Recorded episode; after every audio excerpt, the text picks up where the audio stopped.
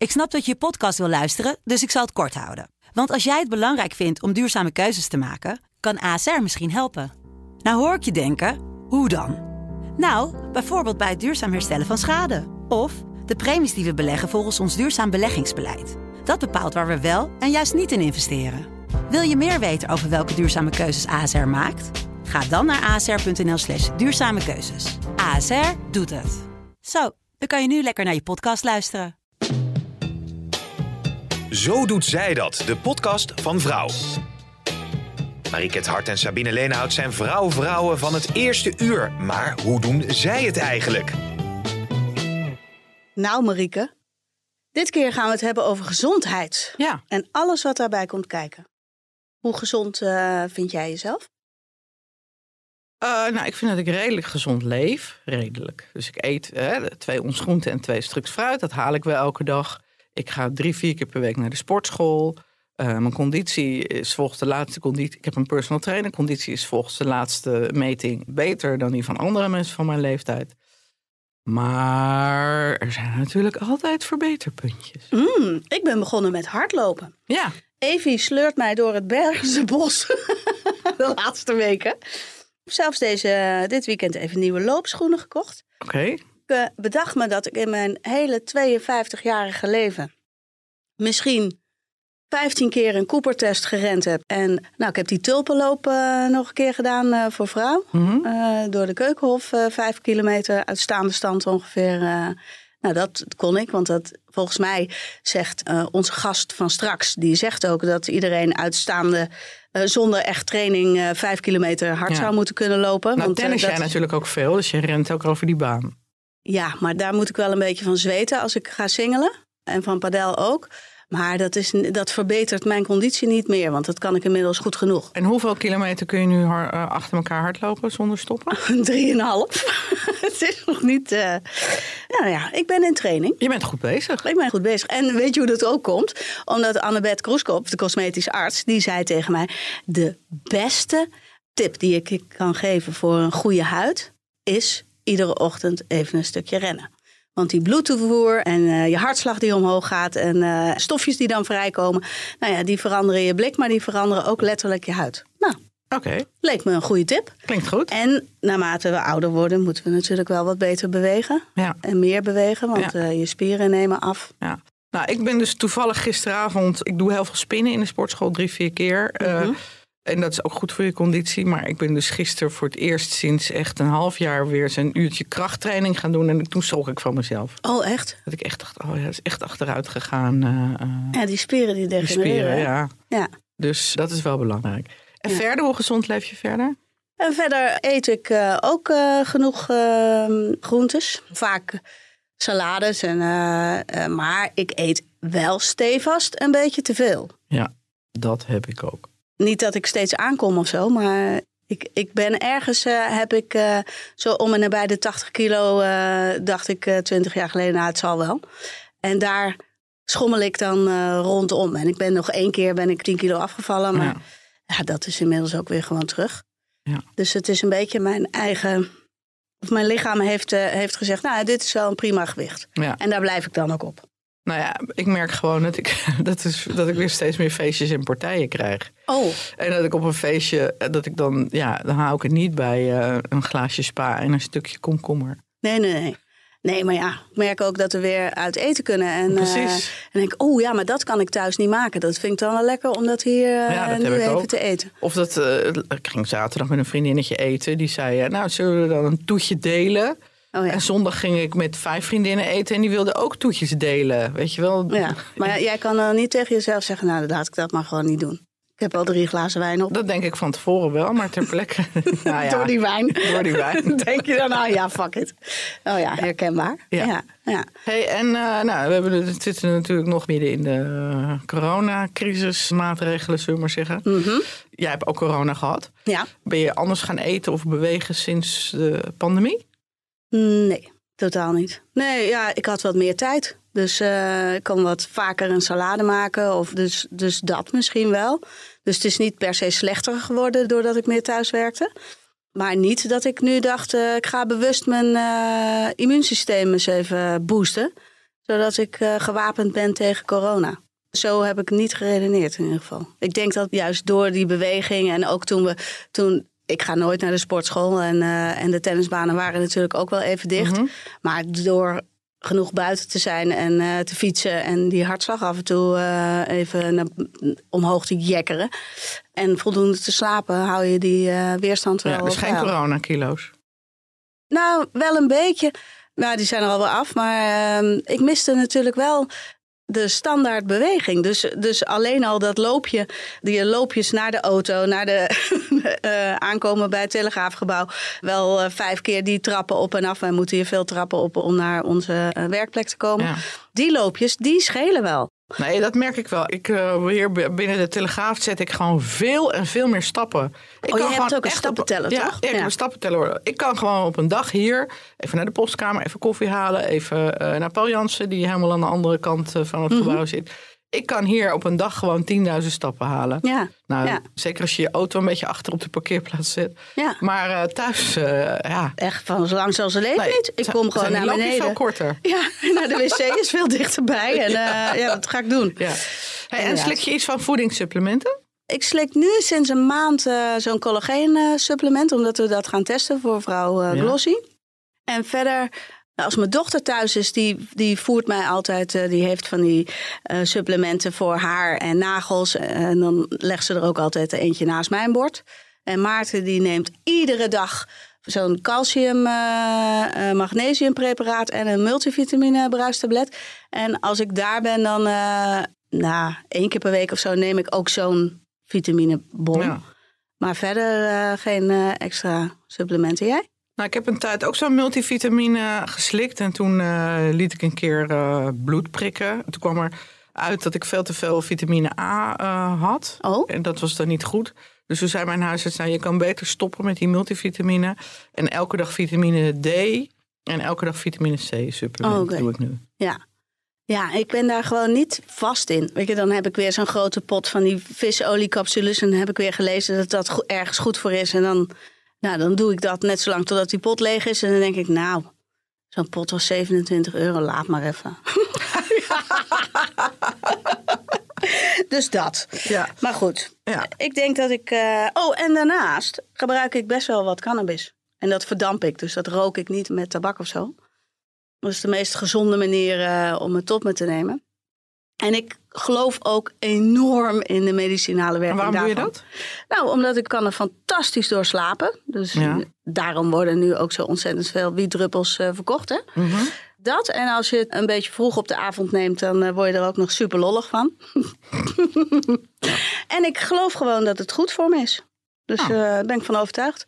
En dat zie je ook, want toen ik corona kreeg, ik kreeg het weliswaar, maar dat komt omdat je er geen weerstand tegen had. Ik had me er niet beter tegen kunnen wapenen dan dat ik, dat ik deed. Nou, ik was er twee dagen eh, ziek van en dat was het dan ook. En Maarten was er maar één dag ziek van Ja. ja, dat blijkt dat mijn afweer eh, prima werkt, denk ik. Ik heb nu toevallig vorige week eh, zo'n antigen-test laten doen. Die ligt nu bij het laboratorium. Krijg ik binnenkort uitslag van. Want ik wilde heel graag weten of, eh, want ik heb me wel laten vaccineren en Maarten heeft zich niet laten vaccineren, hoe het dan zit met beschermgraad.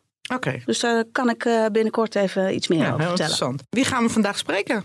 We gaan ehm, Janneke, wat erg, ik zeg altijd witte brood, maar ze heet witte koek, spreken. En die heeft al eh, meerdere keren in Vrouw gestaan. Ze is cardioloog en ze schrijft boeken over vrouwen en gezondheid. Specifiek vrouwen, want Ja, ze is gespecialiseerd in het vrouwenhart. ja, omdat ja, het schijnt toch wel eh, anders te zitten bij vrouwen dan bij mannen. Ja, ik ben wel benieuwd hoe zij tegen vrouwen en gezondheid eh, aankijkt. Zullen we haar leuk. bellen? Ja, leuk. Ja. Hi Janneke, hoe is het? Heel goed. Ja? Jazeker. Vertel eens, hoe is het met de gezondheid van de gemiddelde Nederlandse vrouw? In welke leeftijdscategorie eh, zou je dat willen weten? Is het anders voor een dertiger dan voor een vijftiger? Ja, grote verschillen. Hè?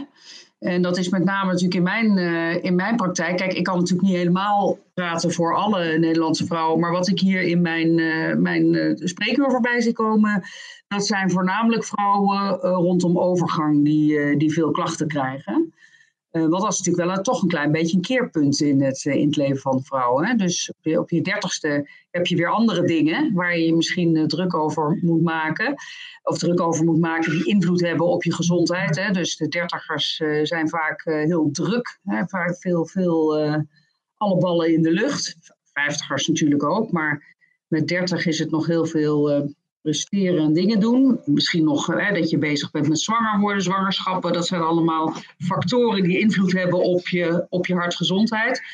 Maar die 50-plus vrouwen die komen wel in een eh, kwetsbare fase. Oké, nou wij zijn 50-plus vrouwen.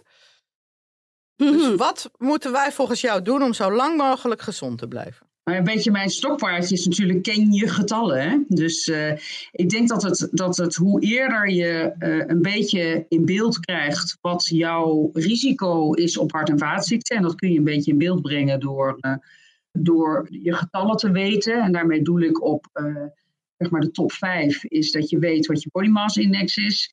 Dat je weet wat je bloeddruk is. Dat je weet wat je cholesterol is dat je weet wat je suikergehalte is en hoeveel sigaretten per dag je rookt. Dus ik hoop dat dat getal nul is, want dat is echt mhm. heel slecht voor je hart. Um, dus dat zijn even, die, die vijf zou je eens op, op een rijtje kunnen zetten. En um, als die getallen niet helemaal op orde zijn, geen paniek, zeker niet als je, als je geen klachten hebt. Maar dan is het wel leuk om daar dan een beetje aan te gaan werken. Om te kijken of je die, het zijn allemaal een beetje spiegels van gezondheid, om te kijken of je die dan een beetje op orde kan krijgen. Mhm. ja. ja. En is er een verschil tussen mannen en vrouwen? Nou ja, qua hart, het ziek worden van het hart zeker. Dat is natuurlijk mijn specialiteit. Ik weet niet of je dat bedoelt of dat je bedoelt. Ja, dat bedoel ik. Kijk, die, die, die getallen die zijn voor zowel mannen als vrouwen. Hè? Dus die mannen moeten net zo goed dat, uh, die top 5 uh, eh, even voor zichzelf op een rijtje zetten. Uh, maar als je kijkt naar risicofactoren en het proces van aderverkalking, wat natuurlijk een beetje mijn, uh, mijn core business is in de, in de cardiologie, dan zijn daar zeker verschillen hoe dat, hoe dat proces van aderverkalking kan verlopen. Ook de impact van risicofactoren op de bloedvaten rond het hart is anders. Bijvoorbeeld, een, of een belangrijk voorbeeld is dat als je kijkt naar hartvaatrisico, dan is het bijvoorbeeld ook speelt het bijvoorbeeld mee of je complicaties hebt gehad tijdens de zwangerschap. Als je hoge bloeddruk hebt gehad tijdens de zwangerschap, of als je diabetes hebt gehad, of als je migraine hebt gehad, dat zijn, of migraine hebt of, of hebt gehad. Dat zijn allemaal factoren die, die bijdragen in, uh, in, op een, nou ja, in, in het proces van, uh, van aderverkoping. Oké, specifiek voor vrouwen. Dus specifiek voor vrouwen. Mhm. En uh, nou ja, er zijn wel, weet je, dit is ongeveer alweer, nou ik denk zeker zo'n 30 jaar geleden dat in Amerika uh, zijn toen een beetje de eerste onderzoeken gestart, omdat er toen in de jaren 90 meer vrouwen dan mannen overleden aan de gevolgen van hart- en vaatziekten. En toen zijn ze eens gaan kijken van, goh, waar ligt dat nou aan? Nou, dat was voor een deel uh, omdat de, de, klachtenpatronen van vrouwen anders zijn. Hè. Dus daar is toen in het begin heel veel aandacht aan besteed. Hè. Dus mhm. toen wij hier in 2009 heeft de Hartstichting de Dress Red Day in het leven geroepen. Hè. Die is 29 mhm. eh, september, die komt er weer aan. Hè. Dan moeten alle dames in het rood. Dus toen is daar heel veel aandacht aan besteed. Dus ook klachtenpatronen kunnen anders zijn. Mannen hebben vaak inspanningsgebonden klachten.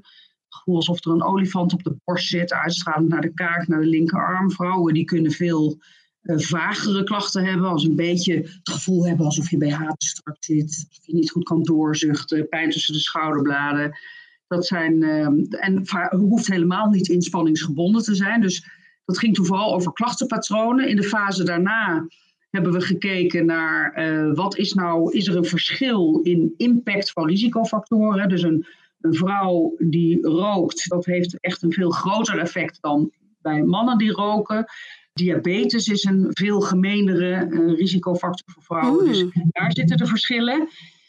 Nou, en dan kom je natuurlijk op uh, dat er dat daarna kwam dat hele stukje van uh, bij vrouwen manifesteert het zich vaker in de kleinere bloedvaten. Dat is een verschil. En tot slot, en daar maak ik me nu ook heel druk over, is dat de behandeling natuurlijk ook anders moet. Ja. Want wij worden toch nog een beetje behandeld als kleine mannen. En dat is niet helemaal de bedoeling. Hey, en we zitten midden in een pandemie. Heeft de coronacrisis nog invloed uh, op de behandeling? Of oh, zeker. Ja, ik heb het altijd. Uh, ik heb daar ook wel eens een keer een column over geschreven. Het grote corona-excuus. Ik kan het bijna niet meer horen. Uh, maar goed, het is natuurlijk, het is natuurlijk wel zo dat in het afgelopen jaar zie ik wel heel veel verslechtering van risicofactoren bij de dames die bij mij in de spreekkamer komen. Uh, nou ja, omdat de sportscholen dicht zijn, omdat ze veel thuis zijn, toch anders of meer gaan eten. Weet je, toch even gezellig dat mm -hmm. bij het koffietje nu toch thuis bent. En, dus, en het, is al, het is allemaal al zo saai, dus uh, weet je, je, bent, je let wat minder goed op. Je kan, je kan niet, nou, die sportscholen dicht hoorde ik, heb ik hier, hoor ik dagelijks nog. Alleen nu gaat hij niet meer op, die vlieger. Nee. uh, dus zeker heeft corona een impact gehad op, uh, op het verslechteren van, uh, van leefstijl. En daarom probeer ik iedereen ook een beetje te motiveren voor, weet je, je weet, we weten ook niet wat de toekomst nog gaat brengen, wat voor varianten. Het kan zomaar weer gebeuren dat straks alles weer op slot zit. Ik, ik ga er niet van uit en ik hoop het al helemaal niet. Maar je moet toch een manier vinden om dan toch voldoende te bewegen. Dat is natuurlijk heel erg belangrijk. Ja. Met name ook om je afweer te boosten en zo. Dus uh, ja, je, kan, je moet het niet laten. Je mag het niet meer als excuus gebruiken, vind ik. Hey, en hoe belangrijk vind jij het dat vrouwen zichzelf uh, zich laten vaccineren? Uh, ja, ik ben natuurlijk een, een wetenschapper, dus ik ben erg pro-vaccineren. Ik, ik geloof echt dat dat het enige is wat ons echt uit deze pandemie kan halen. Het is toch echt wel een, een ernstig uh, zaak. Nou ja, dat hoef, ik, dat hoef ik verder niet uit te leggen. Je ziet ook dat we het beter onder controle krijgen. Dus ik ben erg um, voor vaccineren. Maar ik heb natuurlijk gewoon respect voor, um, voor mensen die uh, daar anders in beslissen. Ik ben heel erg van uh, de persoonlijke geneeskunde. Dus durf ook af te wijken van het protocol. Dat wil zeggen dat als je uh, ja, toch met allergische reacties zit, of uh, wat, wat, er dan ook speelt in, jou, uh, in jouw lichaam of in jouw leven, dat, dat kan allemaal argumenten bevatten om een weloverwogen keuze te maken om het niet te doen. En dan, dat, dat moet je dan ook respecteren. Ja, ja. Nou, ik, dankjewel. ik heb er wel ja. weer wat van opgestoken, ja, dankjewel. Ik ook. Blijven hardlopen, Sabine. Ja, blijf hardlopen. Ja. Goed. En 29 september, hè? Dress ja. Red Day. Ja, ja, dat gaan we doen. Dankjewel. Oké. Okay, Dank voor je tijd. Dag. Dag. Nou, ken je getallen, hè? Ken je ze? Je bloeddruk, je cholesterol, je suiker. Nou, nee, mijn cholesterol en zo weet ik eigenlijk ja. niet. Mijn huisarts, ik, dat is wel leuk. Ik heb dus een nieuwe vrouwelijke huisarts. Die, die vindt dus dat alle vrouwen uh, van 50 plus, die roept zij één keer per jaar op. Mannen trouwens ook. Oh. Om uh, uh, bloed te laten prikken. Om al dit soort dingen te checken. En bloeddruk te laten meten en bloed te prikken. Ja, ja dat is wel een goeie. Ja, ja ik heb, dat is zeker een goeie. Uh, want ik heb wel een uh, bloeddrukmeter. Ja. Dus ik weet dat mijn bloeddruk uh, helemaal binnen de norm ja. is. Mijn BMI is iets te hoog, want die zit op 26 en die moet op 25 zitten. En mm -hmm. dat zit hij dus niet. Cholesterol, ja, dat moet dat, dat ja, bloed, dat, ja, dat, dat is echt wel uit je bloed. Ja, en, en ja. je suiker ook, hè? Dat, dat ja. kunnen ze dus ook. oh, dat meten. weet ik wel, want mijn zus heeft diabetes. En, en dat check ik regelmatig. En ik zit dan altijd binnen de norm. Nou, dat is heel goed. Dus dat is. Ja. Dus uh, eigenlijk, uh, ook als ik naar die getallen kijk, dan denk ik, ja, dat BMI moet gewoon een beetje omlaag. En dat uh, we moeten gewoon een beetje stoppen met, met zeuren van, ja, zij nemen allemaal een toetje, dus neem ik dat ook. Ja. ja. Want wat is, het, misschien moeten we even naar het taboe, want ik denk dat dat heel mooi in één lijn zit met dit onderwerp. Het zo doet zij dat. Taboe. Het taboe dat je niet meer hardop mag zeggen dat uh, overgewicht echt killer nummer is. één is.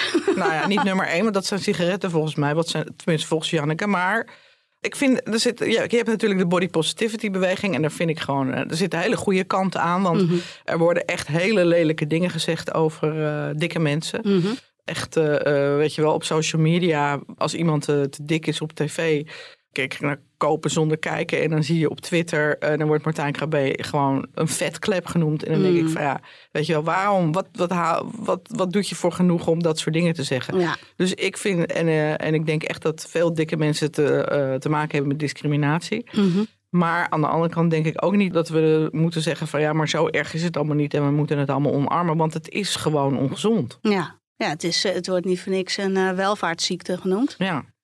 Alhoewel, mensen die het veel minder goed hebben, financieel gezien, zijn over het algemeen wat zwaarder dan mensen die het financieel wat beter hebben. Ja. Want er worden toch andere keuzes gemaakt. En dat is Dat vind ik wel uh, afschuwelijk. Dat, uh, waar wij het al eerder over hadden, dat het uh, een kilo speklappen is veel goedkoper dan een runderlapje. ja. En ik denk ook dat als jij, weet ik veel, in een flat in de Bamer woont met je kinderen, dat ze toch minder makkelijk buiten gaan spelen dan wanneer jij in een wijk woont met heel veel groen om je heen. Mm -hmm. Ja, dat verschil is er natuurlijk ook. Ja. ja. Dus zou, zou daar vanuit de overheid wat meer aan gedaan moeten worden? Of hoe, hoe nou ja, ik denk wel dat het goed zou zijn als groente en fruit gewoon uh, heel, betaalbaar, uh, heel betaalbaar zijn. Ja, maar ja, dan met de hele nieuwe biologische tak die veel meer kost om te produceren, ja. lijkt wel, terwijl je daar minder bestrijdingsmiddelen ja. op gooit. Hè? Is die balans uh, moeilijk te vinden? Is natuurlijk ook zo, maar er zijn ook hele simpele middelen. Mijn kinderen zaten eerst op een school in Amsterdam. Daar mochten ze te, uh, als pauzehapje, dus om tien uur s ochtends, mochten ze alleen maar fruit uh, meenemen. Mhm. Mm -hmm. iets anders was verboden. En op de tweede school waar ze zaten, mochten ze ook gewoon, weet je wel, van een sultana zijn liegen aan, weet ik veel. Mm Mhm. En toen gingen ze zeggen, ja, maar Jantje en Pietje nemen die ook mee. Dus wij willen niet uh, die appel. Ja, ja. Zeker dat soort beïnvloeding van de consument door bijvoorbeeld Liga en uh, door Sultana. En, en nou ja, er zijn talloze, zelfs fris die zuiveldrank pretendeerde dat uh, heel gezond te zijn voor kinderen. Ja. Nou, kom op zeg. En dan kun je wel denken, ja hallo, die ouders kunnen toch ook wel nadenken en weten dat dat niet goed voor ze is. Maar dat weten veel mensen gewoon niet. Nee, want die denken dat is zuivel of dat is een gezonde koek of, uh, of Ja. wat dan ook. En dat is natuurlijk ook heel begrijpelijk. Ja. En uh, het aanbod is natuurlijk ook veel groter geworden. Ik kreeg vroeger uh, alleen maar in het weekend mocht ik frisdrank en chips. Mhm. En tegenwoordig is dat heel normaal om, om dat, ook, uh, dat ook door de week te Mijn zus heeft een tijd lesgegeven op een uh, basisschool. Ja. Dan mocht je dus niet op snoep trakteren. En dan zegt ze, dan zaten 30 kinderen op een zakje chips te knagen om tien uur 's ochtends. Ja, En dat dan 30 keer per jaar. ja. Maar ik bedoel, dat die discussie hebben we ook wel eens bij vrouw op Facebook gevoerd. En dan uh, mogen je kinderen alleen op gezonde dingen. En dan zijn er toch ook veel ouders die reageren van... joh, laat die kinderen af en toe toch lekker genieten van een zakje chips. Ja. Dus uh, uh, de verleidingen zijn natuurlijk ook veel groter geworden. Als jij gewoon op zaterdag gaat winkelen in de Kalverstraat... Ja, dan, dan, dan, dan zie je ook de hele dag mensen lopen eten. Ja, nou ja, en dat is natuurlijk met die tractaties. Als die kinderen inderdaad zoals wij vroeger alleen op zaterdag die chips en dat extra snoep uh, mochten.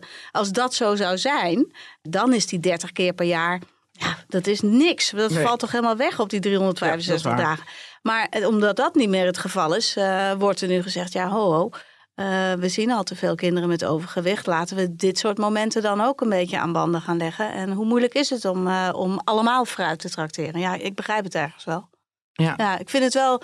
De bemoeienis is vervelend. En uh, daar zijn Ja. we in Nederland Nou ja, natuurlijk kijk, sowieso je ziet het nu ook met alle protesten tegen de coronamaatregelen. Dat de Nederlanders er ook een beetje moe van worden om voortdurend zo uh, aan banden gelegd te worden door Ja. de overheid. Die bemoeienis met, uh, weet je wel, uh, straks misschien ook dat je nergens meer buiten mag roken. Ook niet op terrassen. Dat alcohol aan banden wordt gelegd. Je kan geen goedkope, uh, mogen we nu meer gestund worden met drankprijzen. Mhm. De KLM gaat stoppen met het serveren van vlees in vliegtuigen. Mhm. nou ja, inderdaad ervaren toch veel mensen. Janneke zegt het is een vrijheid vaccineren. En daar ben, daar ben ik het helemaal mee eens. Mhm. Maar je, toch zie je dat, er, uh, dat mensen een beetje moe worden van ja, al die. Al die dus als, als dat dan ook weer is met wat kinderen wel of niet mogen eten, dan is het natuurlijk ook weer meer overheidbemoeienis. Ja, ja. Diederik Jekel, wetenschapsjournalist, hebben we gevraagd om zijn kijk op vaccineren te geven. Oké. Okay. En ik denk dat dat wel heel goed aansluit uh, bij waar wij uh, over spreken. Zo doet hij dat. Hey Marieke en Sabine. Ja, het belang van vaccineren. Iedereen moet natuurlijk zijn eigen keuze maken, maar het vaccin is ontworpen om mensen uit het ziekenhuis te houden. En dat doet het vreselijk goed. Gevaccineerd heb je 10 tot 20 keer minder kans om op de intensive care terecht te komen. En te veel mensen in het ziekenhuis levert uitgestelde zorg op en lockdowns. Ik zou in ieder geval niet willen dat ik een ziekenhuisbed bezet zou houden voor iemand anders, terwijl ik het had kunnen voorkomen met zo'n simpel prikkie. Ook verkleint een vaccin de kans op het doorgeven een klein beetje. Maar het belangrijkste is dat je het dus doet om mee te helpen die lockdowns te voorkomen. Daarbij is de kans op heel grote narigheid van het vaccin vele malen kleiner dan narigheid van het virus. Van het virus kun je de rest van je leven last houden. Daarom adviseert zowat elke instantie normaal ook over ons waakt. Denk bijvoorbeeld aan de Gezondheidsraad, de RIVM, Vereniging van Gynaecologie en nog veel meer instanties om het gewoon te doen. Nou, ik kan nog wel wat redenen verzinnen, maar joh, het moest een voicemailtje blijven en geen toespraak. Fijne dag. Eh, ben je het hiermee eens? Ik ben gevaccineerd en ik ben echt gevaccineerd ook omdat ik ook hetzelfde geloof als wat hij. Er zijn een heleboel wetenschappers die zich daarover hebben gebogen. COVID-19 bestaat nog niet zo lang, maar SARS Ja, wel. ja. Dus daar is ook al heel veel onderzoek naar gedaan. Mhm. Dus ik was dolblij dat ik me mocht laten vaccineren. En ik heb ook zoiets van, ja, weet je, eh, ik ben bang dat de gevolgen voor corona, eh, zeker als je in een risicogroep zit, dat, wat, we, wat ik ben als 50-plusser, groter zijn. Ja, zie je, zie je jezelf Ja, wel als... zie wel als eh, risicogroep. oh, want eh, zo zie ik mezelf namelijk niet. Ja, nou ja, de kans, gewoon kanstechnisch gezien, dat ik iets krijg van corona. Ik bedoel, de kans is heel groot dat het niet gebeurt. Misschien 98% niet gebeurt. Maar dan 2% vind ik toch nog groot genoeg. Ik draag ook een gordel in de auto. Terwijl ik ook nog nooit een ernstig eh, verkeersongeluk heb gehad in de auto. Ja. En toch denk ik van, ik doe toch elke dag die gordel om. Want de kans bestaat gewoon dat het gebeurt. Want je voelt je veiliger. Ja. ja. Ja, en ik voel me dus veiliger met een vaccinatie. Ik weet dat daar ook risico's aan zitten, maar de kans dat ik iets krijg na die vaccinatie is vele malen kleiner dan dat ik iets krijg Ja. door corona. En dat ik geen ziekenhuis bezet wil houden, dat ik mee kan voorkomen dat ik daarmee een ziekenhuis. Ja, dat speelt ook mee. Ja. Het is een weloverwogen keuze, maar ik vind wel dat mensen die keuze voor zichzelf moeten maken. Ja. ja, daar ben ik het mee eens. Ja. Ja, ik heb eh, natuurlijk corona gehad. Eh, daardoor ben ik ervan overtuigd dat, mijn, eh, dat ik genoeg antilichamen heb om eh, te wapenen tegen eh, een eventuele nieuwe infectie. Desondanks heb ik me toch laten prikken. En dat heb ik eigenlijk gedaan om alle verkeerde redenen. Want dat is omdat ik geen zin heb om me voortdurend te laten testen als ik naar het buitenland wil. Of we hebben vandaag ook weer een persviewing vanavond. Nou, dan moeten we ook testen voor toegang. Ik heb geen zin in dat gedoe en eh, ben daarom eh, gevaccineerd. Maar ik denk wel dat we een- niet om die reden zouden moeten vaccineren. Nee, maar dat heb ik, dat doe, om die Ja. reden heb ik me dus ook niet laten vaccineren. Nee, maar ik wel, omdat ik ervan overtuigd ben dat als je eh, geregistreerd corona hebt gehad, dan ben je bijna net zo goed gevaccineerd. Als, eh, ja, je hebt ook heel je- veel antistoffen. Ja, als wanneer je prikken. Maar ja, goed, dat is nou eenmaal beleid en dat snap ik. En ik snap dat ze niet op die individuen beleid kunnen maken. En vaccineren werkt alleen maar als je het in groepen doet. ja. Dus ik, eh, ik doe het ook voor een ander. Nou, dat is Ja. heel goed. Ja, ik ook hoor. En, maar er zijn natuurlijk ook, en er zijn natuurlijk toch ook veel jonge sportieve mensen die ook toch heel ziek worden van corona. Die long-covid krijgen, zelfs overlijden. Ja, ja. ja nou, dat zijn er niet heel veel. Nee, hoor. maar goed, die zijn er wel. Ja, die zijn er wel. En die stonden ook altijd bij ons in de krant. Want, want daar ga je het over hebben. Ja. Opgebiecht. Heb je nog iets op te biechten over het onderwerp gezondheid? Ja, dat ik misschien niet af en toe ehm, eh, zo gezond ben. zo gezond doe. Dus ik eet gezond en ik beweeg genoeg. En eh, eh, dat soort dingen. Maar ik ga ook wel eens naar een festival. En dan jekker ik er wel een pilletje in. Ja, Dat is niet zo gezond. ja, nou ja, ik doe het bijna nooit. misschien één keer per jaar of zo. Maar dat, ja, toen ik twintig was, deed ik dat ook al.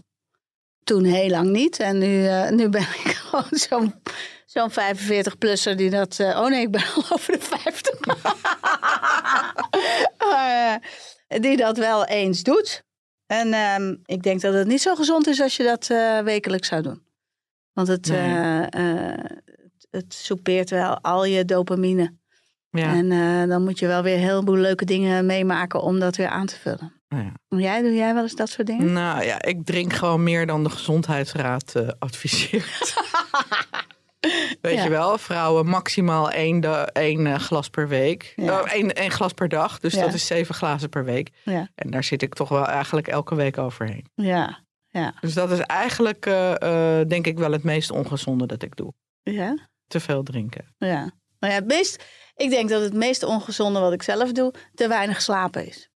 Als ik daar de mensen die daar, die, die bijvoorbeeld eh, Ralf Moorman van de, van de Hormoonfactor of Janneke of eh, al die mensen die zich met gezondheid bezighouden, die zeggen dat slaap wel een heel belangrijk eh, onderdeel is van je afweer en je immuunsysteem. En het herstellend vermogen van je lichaam heeft gewoon werkt beter als je voldoende slaapt. Ja, En ik denk dat dat het meest ongezonde is wat ik doe als ik er nu wat dieper over nadenk. Kijk, dat ik die rotzooi in mijn lichaam gooi. Ik heb ook wel eens botox in mijn hoofd laten prikken. Lijkt me ook niet eh, heel erg gezond. Dus uh, um, van de externe dingen is het dat. En dan uh, waar ik iedere dag iets aan zou kunnen veranderen, dat is meer slapen. Ja. Nou, dat is mijn, dat is mijn confession. Oké, okay, nou, het was weer een interessant gesprek. Nou hè? Ja, tot volgende keer. Tot volgende keer. Altijd op de hoogte zijn van de laatste Netflix-tips en televisietoppers? Luister dan naar de cultuur- en media-podcast van De Telegraaf. Met de ongezouten mening van mediaverslaggever Rob Goosens. Ik zit al twee weken heerlijk te smullen van het programma De Druiventros erop of eronder. De kritische blik van filmjournalist Marco Weijers. Sylvester Stallone, je hoort hem alleen, maar je ziet hem niet. Zijn, zijn stem als een grindbak, die herken je uit duizenden. Hij speelt een soort haai op, op pootjes, die eigenlijk alleen maar zin heeft om te eten. Dus jam, jam. En alles staat onder leiding van presentatrice Daphne van Rossum. Nou jongens, laten we maar snel beginnen, anders halen we het niet binnen een half uurtje. Om de week op woensdag in je favoriete podcast-app of op de site van de Telegraaf.